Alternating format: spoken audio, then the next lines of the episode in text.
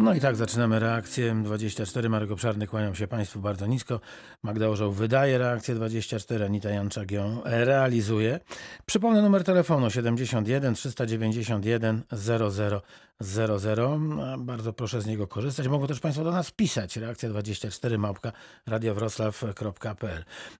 Proszę Państwa o telefony i podczas trwania naszych reakcji 24. Przypomnę, od poniedziałku do piątku jesteśmy z Państwem między 12 a 1, ale również w innych godzinach i w sobotę i w niedzielę można do nas i trzeba telefonować, jeśli Państwo mają jakieś pytania, jakieś wątpliwości, jeśli Państwo chcą komuś podziękować, bo przecież ta nasza wspólna reakcja 24 ma także służyć temu, by można mówić o tym, co dobrego dzieje się u nas na Dolnym Śląsku. Ale można, tak jak nasza słuchaczka, też zadać pytanie, podzielić się, jak już rzekłem, wątpliwościami. No to posłuchajmy. Dzień dobry. Ja dzwonię w takiej sprawie. Wszędzie słyszę apele o oddawanie krwi i osocza. Ja jestem krwiodawcą od dwudziestu kilku lat.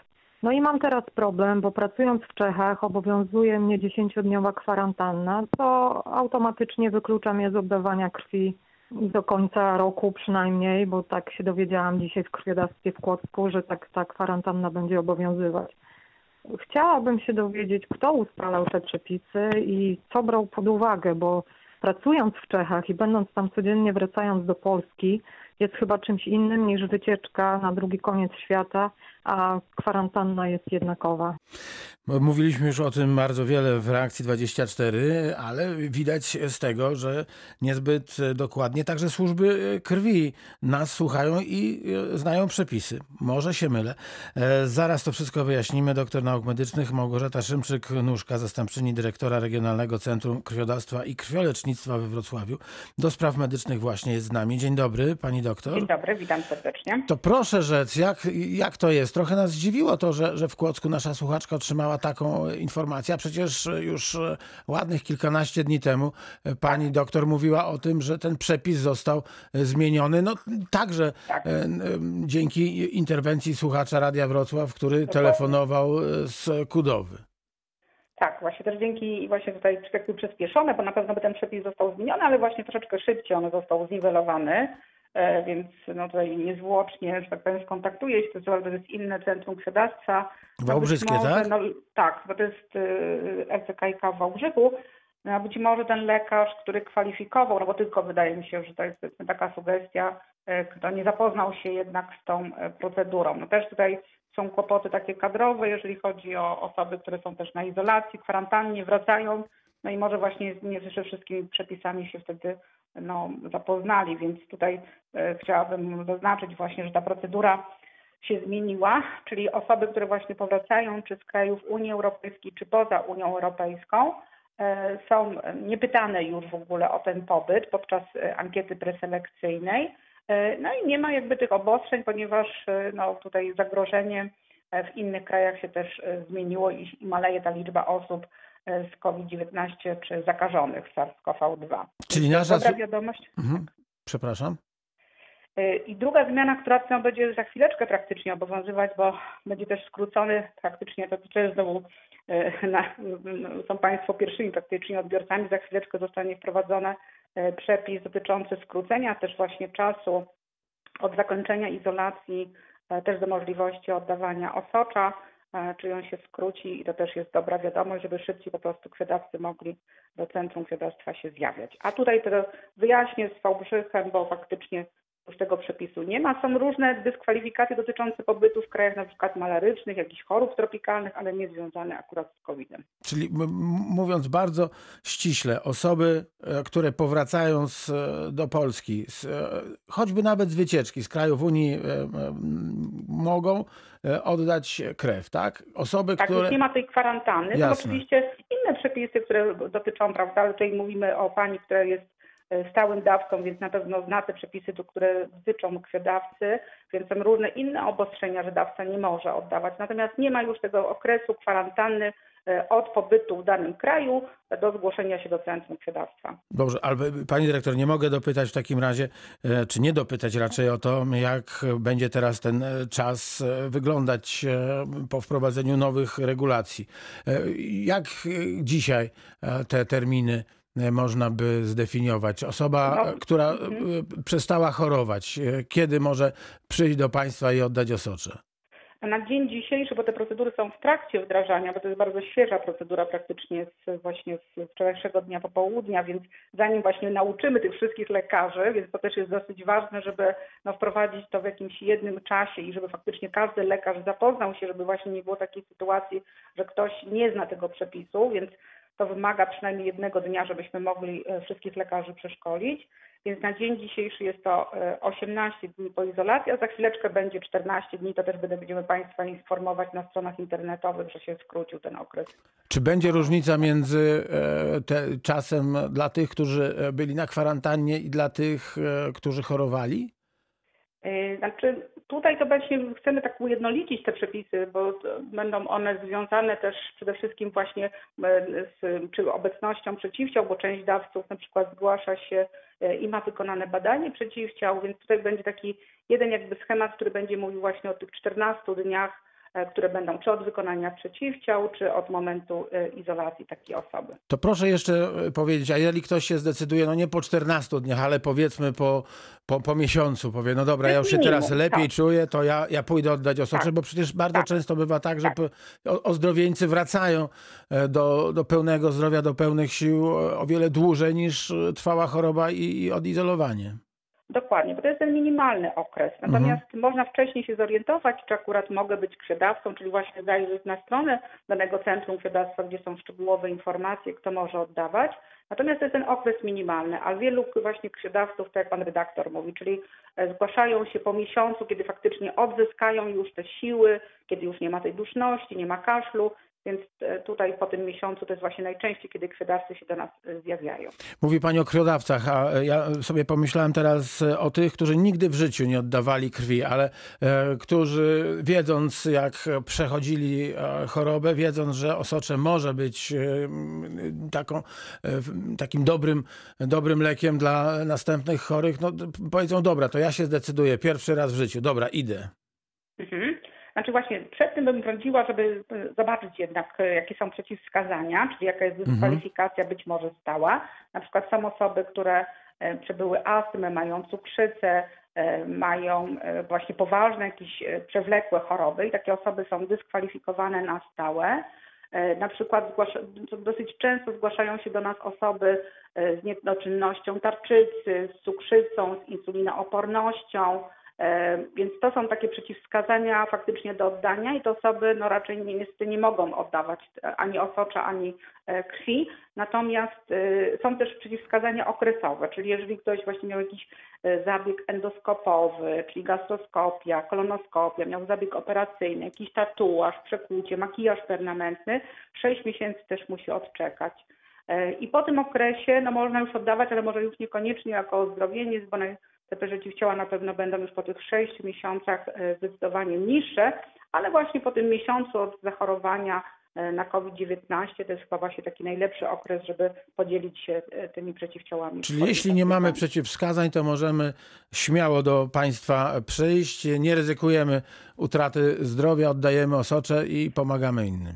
Tak, bo tutaj też zapewnić chcemy sprzedawcom, że my sprawdzamy to miano przeciwciał. Jeżeli ono jest na jakimś niższym poziomie, to po prostu nie kontynuujemy następnych oddań, żeby też sprzedawcy zostawić tą odpowiednią dawkę przeciwciał. Natomiast organizm sobie potrafi też jakby wyprodukować te e, przeciwciała przy następnym oddaniu, więc też nie ma takiej obawy, że my te przeciwciała stracimy. Bardzo dziękuję. Doktor nauk medycznych Małgorzata Szymczyk-Nóżka, zastępczyni dyrektora Regionalnego Centrum Krwiodawstwa i Krwiolecznictwa we Wrocławiu do spraw medycznych, była Państwa gościem. Dużo zdrowia, wszystkiego dobrego. Wszystkiego dobrego, dużo zdrowia. Wracamy do studia Reakcji 24 w Dzierżoniowie. Dariusz Kucharski, burmistrz. Dzień dobry. Witam panie redaktorze, dzień dobry, witam bardzo słuchaczy. Panie burmistrzu, jak zdrowie? No zdrowie w porządku, bardzo dobrze, natomiast e, tak słuchając przed chwilą tematu covidowskiego i e, krwiodawstwa, no muszę powiedzieć, że też jestem e, ofiarą, można powiedzieć, COVID-u z tego względu, że od półtora tygodnia jestem na kwarantannie, natomiast czuję się dobrze i mam nadzieję, że od poniedziałku wrócę już na żywo do pracy. No to pewnie mieszkańcy Dzierżoniowa się ucieszyli z tej, z tej wieści. E, Panie burmistrzu, no to zacznijmy, zacznijmy od e, COVID-u i od tego, co dzieje się w Dzierżoniowie, jeśli chodzi o pandemię. No tak, tą pandemią żyjemy od 10 miesięcy, nie tylko w Dzierżoniowie, w regionie, w Polsce, ale na całym świecie.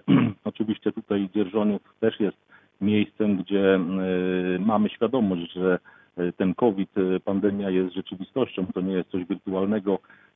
Naprawdę staramy się, żeby uporządkować te kwestie, żeby y, mieszkańcom, szczególnie tym osobom chorym, pomóc, ale tym osobom, które, które są w kwarantannie. Mamy w Dzierżoniowie szpital covidowy, w którym jest y, 56 miejsc covidowych.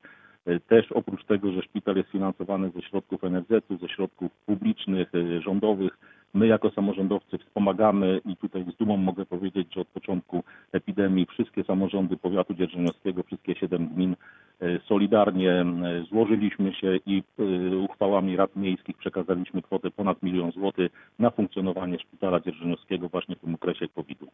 No a jak w takim razie daje sobie radę szpital powiatowy prowadzony przez starostwo? No pewnie e, starostwo bardzo wszystkim gminom wdzięczne jest za, za ten milion złotych, który w tych trudnych czasach e, jest pewnie wart o wiele, wiele więcej niż, niż, te nominalne milion, niż ten nominalny milion. Oczywiście tutaj powiat e, jako właściciel szpitala, organ prowadzący e, wydaje znacznie większe środki, pieniądze na funkcjonowanie naszej placówki. Ja będąc wicestarostą przez dwie kadencje pamiętam jeszcze mm, 14 lat temu, jak nasz szpital wyglądał i z zewnątrz, i wewnątrz, i organizacyjnie. Teraz naprawdę nie mamy się czego wstydzić. I ten czas COVID-u pokazał właśnie, co by się działo, gdyby tego szpitala w nie było. Więc prośba do wszystkich tych sceptyków, którzy zawsze mówią o tych mniejszych jednostkach powiatowych, może nie takich ważnych jak szpitale kliniczne, uniwersyteckie właśnie w miastach dużych, y, ale te szpitale powiatowe, proszę wierzyć, że naprawdę też robią wszystko, żeby swoją formę, swoją formułę działania rozszerzać, żeby się y, y, modernizować, nowelizować. Naprawdę to jest skok cywil- cywilizacyjny. A patrząc na właśnie ten okres, który teraz mamy, jestem przekonany, że po pandemii y, musimy usiąść i zastanowić się, jakie są priorytety y, przyszłości, w przyszłości naszego regionu, ale też w Polsce i w Europie. Wydaje mi się, że system ochrony zdrowia musi być przewartościowany i niestety y, znacznie większe pieniądze na ochronę zdrowia musimy przeznaczać, żeby być gotowymi nie tylko na takie sytuacje nadzwyczajne jak COVID, ale na normalne funkcjonowanie tych placówek zdrowotnych typu właśnie szpitale, przychodnie zdrowia, bo to, co by nie mówić, ten okres pokazał nam, że zdrowie jest jednak najważniejsze.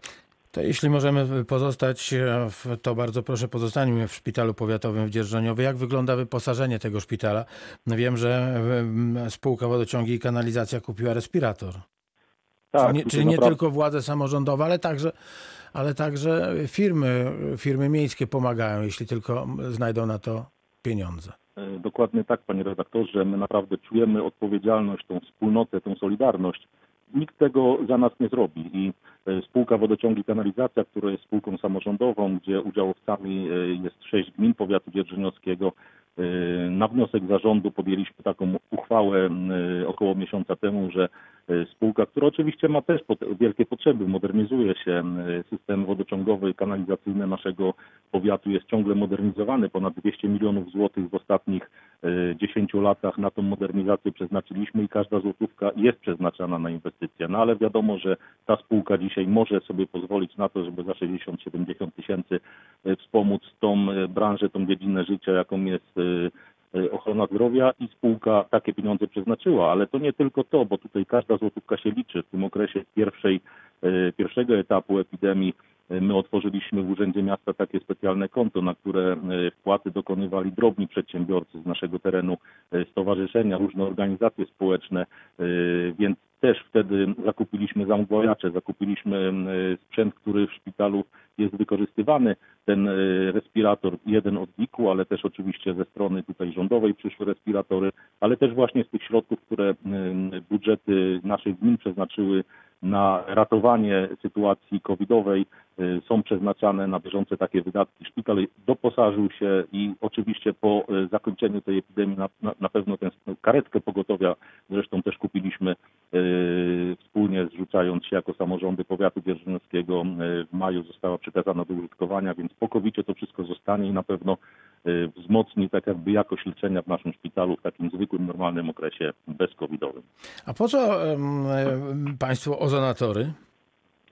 Y, No mamy świadomość taką, że chcemy y, pomieszczenia, które są generalnie wykorzystywane, czy to y, właśnie przez jednostki służby zdrowia, ale również jednostki społeczne, samorządowe typu szkoły, typu ośrodki pomocy społecznej, typu dzienne domy y, samopomocy, tam gdzie przebywają mieszkańcy, tam gdzie przebywają ludzie, klienci, żeby y, bezpiecznie można było w tych y, pomieszczeniach przebywać, postanowiliśmy jako miasto Dzierżoniów, każda ta nasza jednostka od żłobka poprzez wszystkie przedszkola, wszystkie szkoły została wyposażona w ozonator. Y, Osoby, które obsługują te ozonatory były albo są przeszkalane, w jaki sposób ta obsługa powinna wyglądać. No i te pomieszczenia, gdzie właśnie przebywają osoby, staramy się od czasu do czasu ozonować, czyli zdezynfekować. No, ozonowanie jest to proces dezynfekcji i te y, różnego rodzaju bakterie, zarazki, które y, są emitowane przez y, osoby tam przybywające, giną i w następnym okresie, czy to po godzinie, czy w następnym dniu mamy świadomość i pewność, a, a szczególnie rodzice dzieci i osoby przebywające w tych pomieszczeniach mają świadomość, że pomieszczenia są sterylne i czyste. A jak wygląda zachorowalność na COVID-19 w Dzierżoniowie? No był taki moment, że e, tutaj nie mamy oczywiście takich bezpośrednio dotyczących miasta statystyk, natomiast nasz powiat, e, jeszcze jak, jak były te strefy czerwone, żółte, zielone czy niebieskie, e, nasz powiat niestety kwalifikował się w pewnym momencie do takiej strefy czerwonej.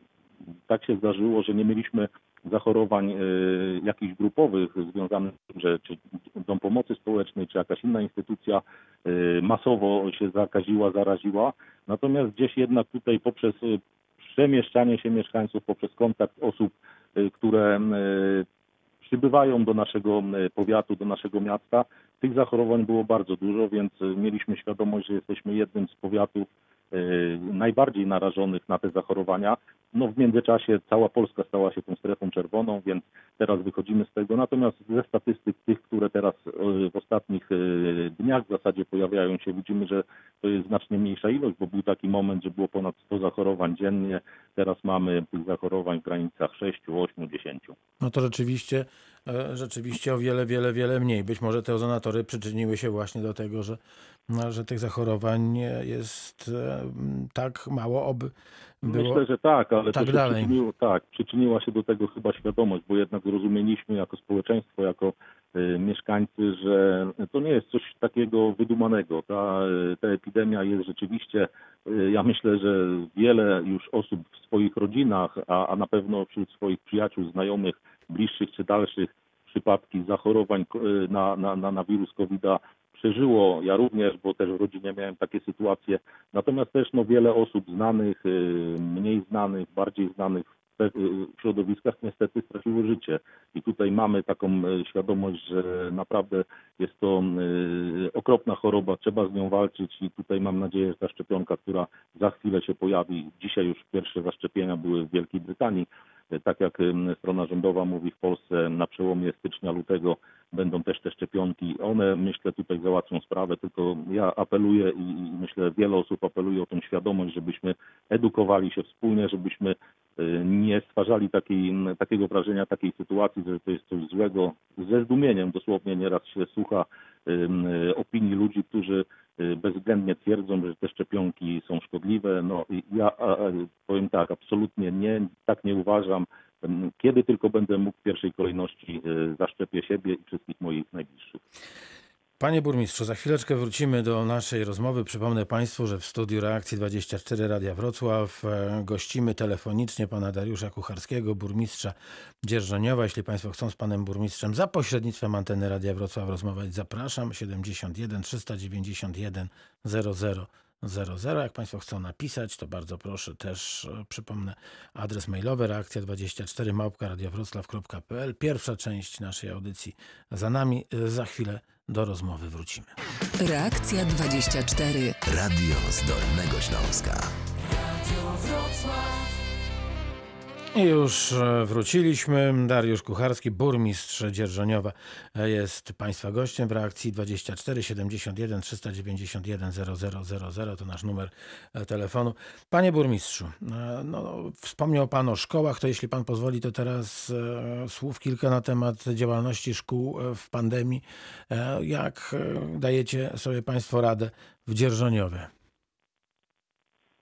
Generalnie w Dzierżoniowie e, dajemy sobie tak samo radę, jak i w całej Polsce. Tutaj my jesteśmy e, jako organ prowadzący organem, który realizuje e, te działania dotyczące edukacji na zasadzie organizacyjnej. Wszystkie kwestie związane z edukacją, z programami nauczania oczywiście są realizowane i przygotowywane przez Ministerstwo Edukacji, przez Kuratorium Oświaty.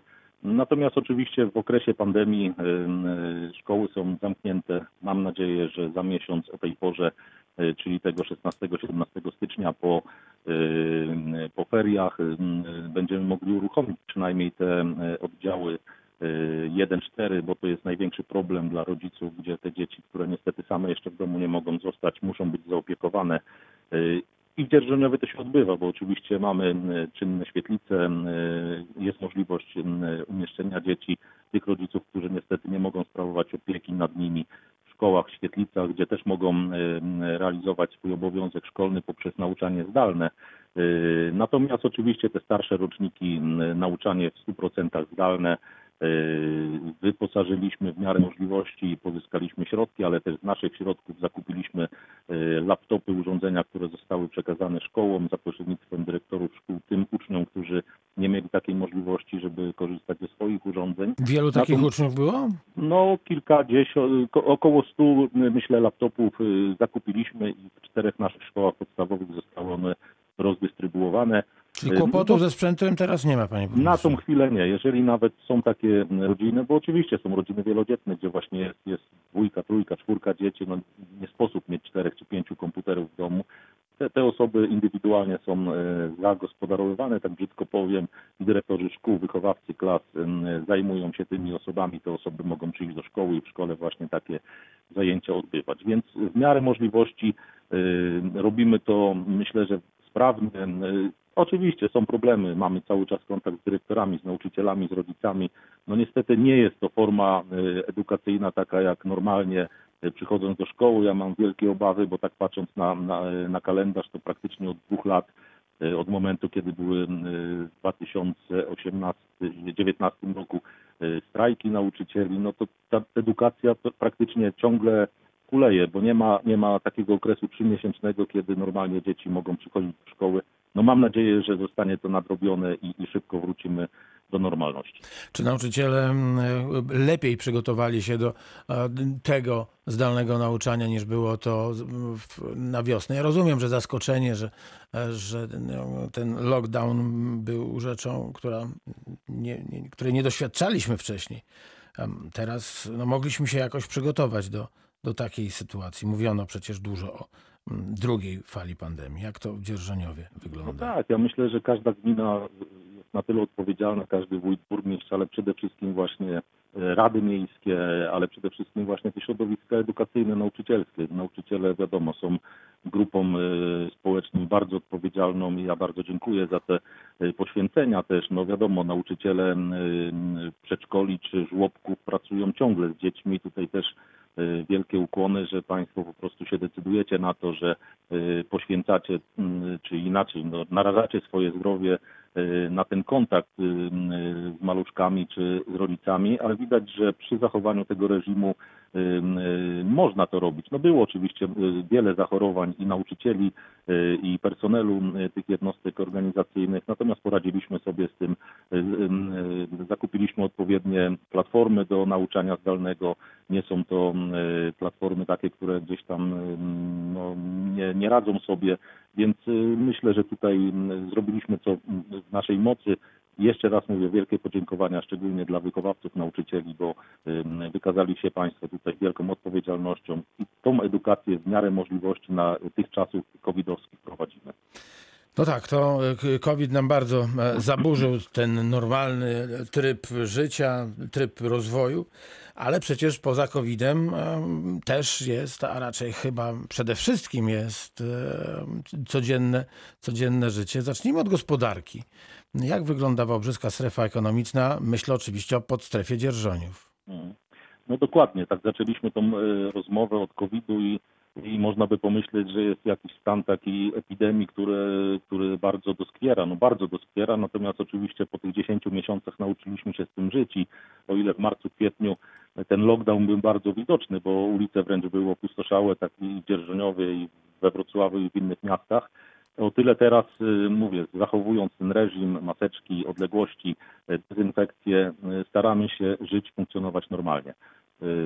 Gospodarka jest elementem takim, po, według mnie, który zawsze mówię na spotkaniach z przedsiębiorcami, czy, czy z naszych, w różnych tutaj środowiskach naszych, od którego wszystko się zaczyna. Jeden z młodych prezydentów y, Stanów Zjednoczonych y, miał takie powiedzenie gospodarka głupcze, czyli od tej gospodarki w zasadzie musimy zaczynać. Ja tworząc budżet dzierżoniowa z naszymi y, pracownikami, urzędnikami, z radnymi, po pierwsze patrzymy, jakie mamy możliwości, jakie wpływy y, oczywiście z dotacji, subwencji i tak dalej, ale szczególnie ważne są dla nas wpływy gospodarcze i właśnie te, które płyną z Warszawy, jeżeli to chodzi o wpisy z podatków CIT-PIT, czyli z podatków od osób fizycznych, od osób prawnych, z VAT-u, ale szczególnie dla nas jest ważne właśnie te podatki lokalne, czyli podatki od nieruchomości, te, które bezpośrednio są naszym y, dochodem własnym. Strefa ekonomiczna. No, strefa ekonomiczna była takim elementem, ta nasza podstrefa dzierżoniowska, która y, pozwoliła odbić nam się od dna w latach 90. No tak. po, tak, po upadku Diory. Di- Diora, przecież to kul- kultowe e, zakłady radiowe, e, Bielbaw przecież to też Oczywiście, oczywiście. firma, która, która Powiat pewnie... dzierżoniowski został dotknięty naprawdę bardzo mocno. Mogę powiedzieć teraz, że wszystkie te zakłady, które ja pamiętam jeszcze z lat młodości, dzieciństwa, nie istnieją. Wszystkie, wszystkie, dokładnie wszystkie. Wszystko od nowa trzeba było budować i tutaj ta strefa właśnie była takim e, asumptem do tego. W 1997 roku strefa powstała. E, Mamy 100, 130 hektarów e, terenów w tej strefie, pod strefie dzierżoniowskiej. Na tą chwilę mogę powiedzieć z radością, ale trochę z obawą, że praktycznie kończymy zagospodarowywanie tych 130 hektarów, bo zostały dwie czy trzy działki, które już e, są e, obiektem zainteresowań kolejnych przedsiębiorców. Myślimy już o kolejnych terenach inwestycyjnych e, w obrębie naszego miasta. Natomiast w tej naszej strefie dzierżoniowskiej funkcjonuje 22 podmioty, które zainwestowały w granicach miliarda złotych od tego 97 roku. Pracę na strefie znalazło kilka tysięcy osób e, i to dzierżoniowianie, i to mieszkańcy naszego e, powiatu, ale też regionu tutaj wałbrzysko-wrocławskiego.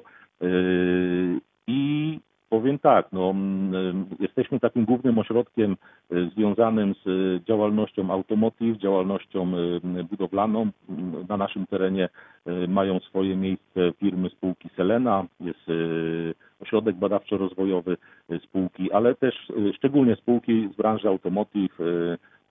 Nie będę może nazw mówił, bo to, Tak, bo to- to- może to- niewiele mówi. Dokładnie. Natomiast teraz takim widzimy, że takim naszym, można powiedzieć, naszą marką dzierżoniowa staje się branża e, samochodów czy motoryzacji e, tej związanej z e, samochodami elektrycznymi. Czyli co, stolica elektromobilności? To Dzierżoniów? Stolica, stolica może nie, ale taką pod stolicą małą jesteśmy, bo stolicą pewnie jest tutaj Wrocław, te tereny. Myślę, że Jelcz, tak, gdzie, gdzie, gdzie Też, produkowane są silniki. Tak. No, Natomiast- w bardzo wielu natomiast ma- miejscach. Tak, natomiast mamy teraz produkcja. Mhm. kilka e, e, podmiotów, szczególnie tutaj myślę o podmiotach azjatyckich, o Korei Południowej, czyli Koreańczyków, którzy już trzy firmy funkcjonują w Dzierżoniowie, kolejna e, zaczyna swoją e, produk- e, produkcję czy budowę kolejnych obiektów, a z kolejną dużą prowadzimy wspólnie z Zarządem Strefy Ekonomicznej w Wałbrzychu rozmowy na temat e, ich zainstalowania w Dzierżoniowie. Jeżeli to wszystko wypali, a, a mam taką e, nadzieję i jestem prawie że przekonany co do tego, wtedy naprawdę będziemy takim m, ważnym elementem na mapie geograficznej elektromobilności. Te firmy tutaj dzierżoniowe, które funkcjonują, będą kontrahentami, będą dostawcami elementów właśnie do firm podwrocławskich, do LG, LG Chem czy innych firm produkujących ogniwa do samochodów elektrycznych. No i okazuje się, że ta podstrefa Dzierżoniów, Wałbrzyskiej Strefy Ekonomicznej jest też świetnym dostarczycielem funduszy do miejskiej kasy. No tak, y, tutaj polityka miasta była taka konsekwentna, bardzo, bardzo y, roztropna. Na początku te ulgi były bardzo duże, żeby zachęcić y, inwestorów. Inwestorzy przyszli, zobaczyli, że w Dzierżyniowie jest klimat do inwestowania, bo naprawdę staramy się od początku do końca zachęcać, ale nie tylko zachęcać, ale pomagać. Tutaj pierwszy dzień, kiedy się pokazuje inwestor w Dzierżoniowie, dostaje swojego opiekuna w Urzędzie Miasta, mamy Wydział Rozwoju Miasta, gdzie ten opiekun, ten wydział zajmuje się od tego pierwszego dnia aż do tego ostatniego dnia, kiedy inwestycja jest zrealizowana, przekazana do użytkowania i rozpoczyna swoją działalność.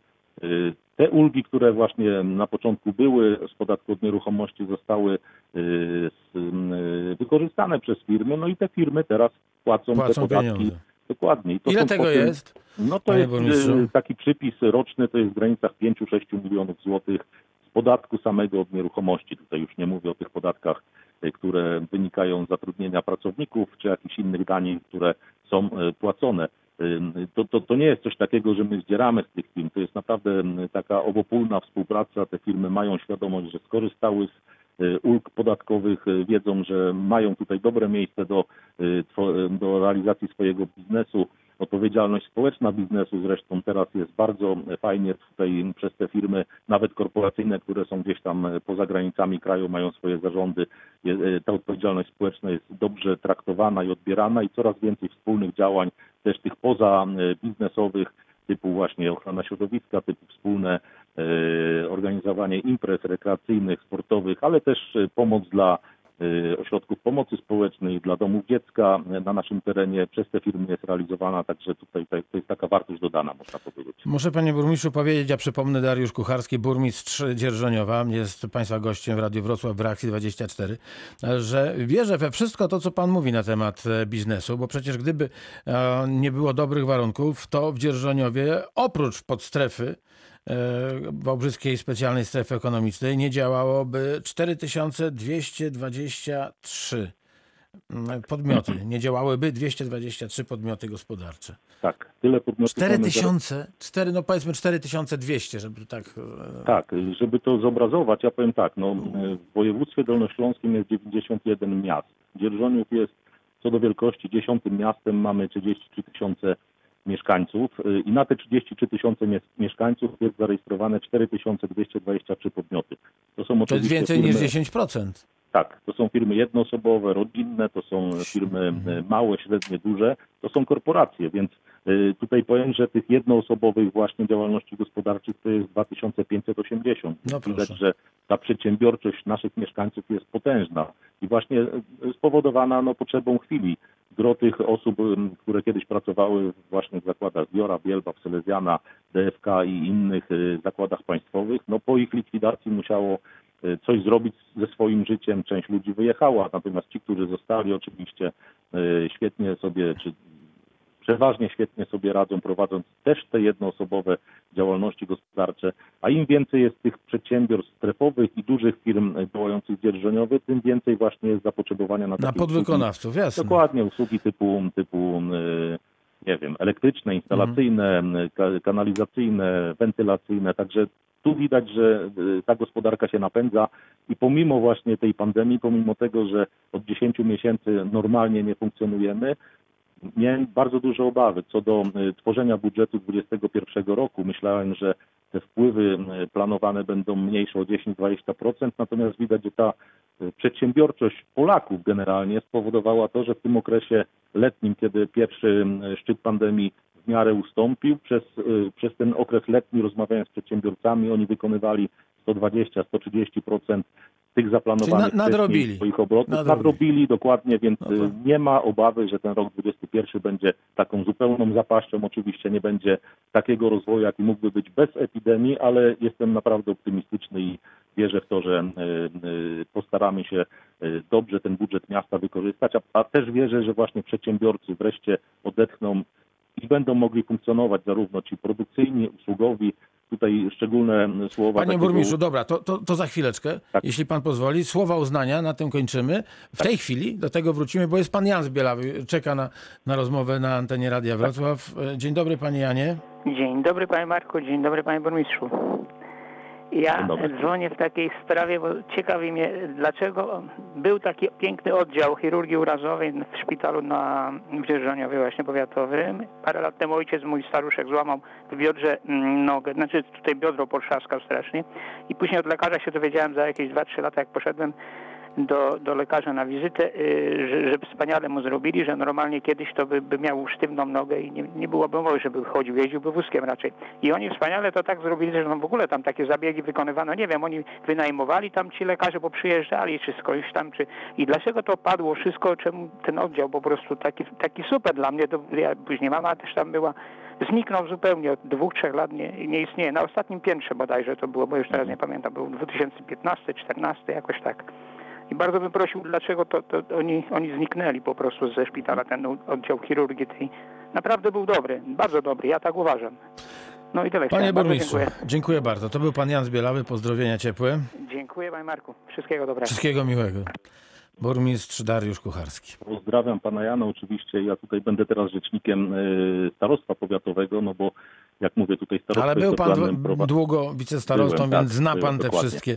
E, Prawdopodobnie pan, pan Korytarze. Janowi chodziło o e, oddział ortopedii, który faktycznie przy chirurgii dzierżoniowskiej funkcjonował. Ja, m, e, został on zlikwidowany, jak już nie byłem w starostwie powiatowym, byłem burmistrzem z, m, e, z historii tej, która m, e, się wydarzyła. Pamiętam, że chodziło oczywiście o pieniądze, finansowanie. Oddział ten był nierentowny i tutaj zarząd szpitala i zarząd powiatu gdyby nie m, podjął tej decyzji o niestety likwidacji tego oddziału, co dla nas jest oczywiście ciężkie, natomiast no, jest to oddział taki, który nie jest tym oddziałem pierwszej potrzeby i mamy taki oddział w Świdnicy, mamy taki oddział w Wałbrzychu, więc teoretycznie i praktycznie można tych pacjentów spokojnie przewieźć i tam hospitalizować.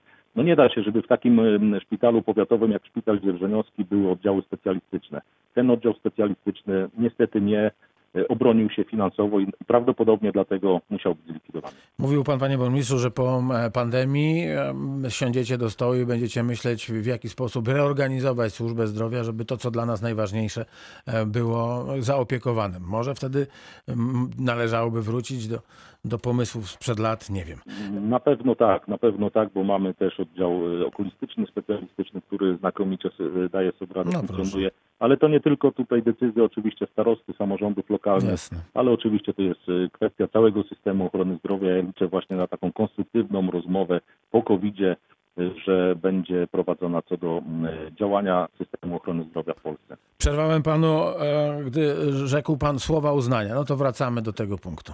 słowa uznania dla tych y, y, przedsiębiorców, którzy niestety nie mogą prowadzić swojej działalności w obecnym y, okresie, bo z racji y, rozporządzeń ministerialnych czy rządowych y, muszą one być zamknięte. Tutaj myślę o restauracjach bez oczywiście wynoszenia tych posiłków na zewnątrz.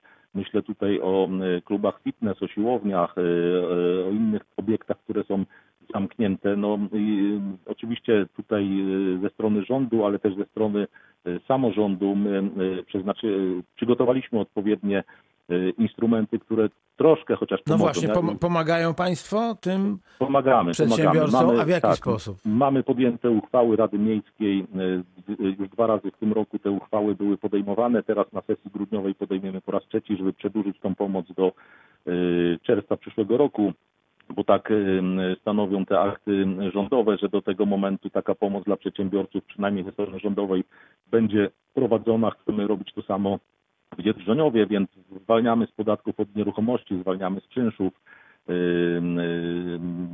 Tam, gdzie tylko możemy, tam, gdzie są podstawy do tego, żeby tym przedsiębiorcom pomóc. Nie jest to jakaś milionowa pomoc, bo oczywiście trzeba spełnić warunki, no, trzeba pokazać, że te obroty spadły o 20% i tacy przedsiębiorcy mogą liczyć na to, że w Dzierżoniowie będą w tym okresie epidemii mieli tą pomoc, ale też poza epidemią mamy uchwały o pomocy de minimis, o pomocy regionalnej, tak żeby właśnie wszystkich przedsiębiorców inwestujących zachęcić do tego i wspomóc ich w tym szczegól- szczególnie pierwszym okresie działalności, żeby mogli stanąć na nogi. Panie burmistrzu, mamy bardzo wiele e, tematów, które zostaną e, nieporuszone e, podczas dzisiejszego spotkania. Już teraz zapraszam pana na kolejne, żebyśmy kontynuowali rozmowę o Dzierżoniowie.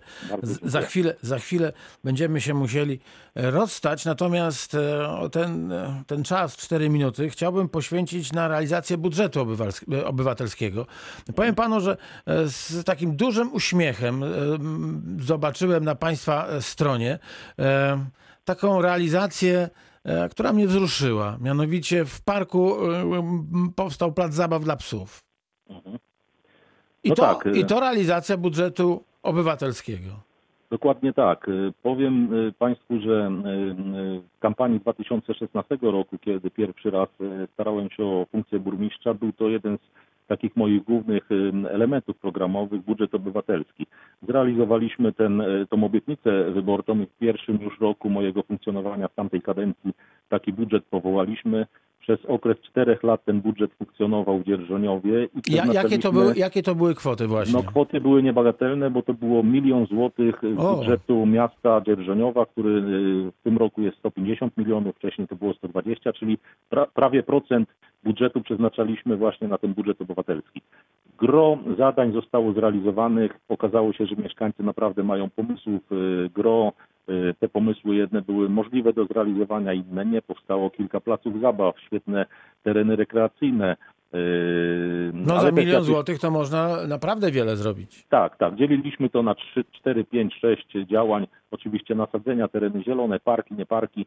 A jednym z takich najbardziej chara- charakterystycznych właśnie y, był ten plac zabaw dla psów. No tutaj, tutaj troszkę kontrowersji było, bo to nie jest takie proste, powiem, żeby sko- y, y, y, wszystkich zadowolić. Wnioskodawcy chcieli, żeby to było w jednym miejscu. No, w tym miejscu nie za bardzo mogło być, bo tam był kiedyś cmentarz, bo, bo jakieś inne y, potrzeby mieszkańców były, więc no, tutaj musieliśmy podjąć też decyzję. Budżet obywatelski oczywiście również jest y, tak jakby zatwierdzany przez burmistrza. Ja odpowiadam za wydawanie tych środków, więc musiałem tutaj podjąć decyzję, żeby w innym miejscu y, usytuować y, ten plac zabaw dla psów, ale naprawdę wydaje mi się, że to jest szczał w dziesiątkę. Dziękuję wnioskodawcom, dziękuję za to, że taka inicjatywa powstała i nawet czworonogi w Dzierżoniowie mają swoje miejsce, więc dla każdego coś w tym budżecie obywatelskim się znalazło. Ja dlatego właśnie o tym e, psim w- rzekłem, bo to rzecz niespotykana, e, że właśnie o czworonogach się myśli. E, Zapraszam Państwa na stronę Dzierżoniowa, można zobaczyć zdjęcie. Rzeczywiście fajne miejsce i sądzę, że jeśli tylko mieszkańcy potrafią dobrze wykorzystać worki plastikowe, no to, to będzie naprawdę cudna, cudna rekreacja dla czworonogów. E, i teraz na koniec. Będzie budżet obywatelski w 2021 roku. Uda się wygospodarować pieniądze na pomysły mieszkanek i mieszkańców Dzierżoniowa? Powiem tak, no ze względu na e, No epidemię, więc właśnie. e, weryfikując ten budżet, już w tym roku kilka mieliśmy weryfikacji, e, w zasadzie takie dwie duże, kwietniową i październikową. Niestety budżet obywatelski w takiej formie na rok 2021 został e, e, zatrzymany, ale na pewno wrócimy do tego budżetu. Natomiast dobra informacja, że ten milion złotych, który w budżecie obywatelskim mamy, chcielibyśmy przeznaczyć tylko i wyłącznie na e, inwestycje, na działania związane z ochroną środowiska, czyli na wymianę pieców węglowych na e, ekologiczne, na nasadzenia e, zieleni w naszym mieście, tak żeby, tak powiem, z tych pieniędzy, które i tak musimy wydać, bo mamy uchwałę Sejmiku Dolnośląskiego, podpisaliśmy deklarację o dekarbonizacji do końca 20, 2030 roku, za- zadeklarowaliśmy, że wszystkie źródła węglowe z Dzierżoniowa znikną, więc ten milion chcemy w 2021 roku przeznaczyć właśnie na te działania ekologiczne, ale też y, mówię tutaj z pełną odpowiedzialnością, że wracamy do budżetu obywa- obywatelskiego w takiej formie, jak ona była do tej pory. Y, myślę, że od 2022 roku. Panie burmistrzu, bardzo dziękuję. Już teraz, jak mówię, umawiamy się na kolejne spotkanie. Burmistrz Dzierżoniowa, pan Dariusz Kucharski był e, Państwa gościem. Dużo zdrowia. Bardzo dziękuję, dziękuję za spotkanie.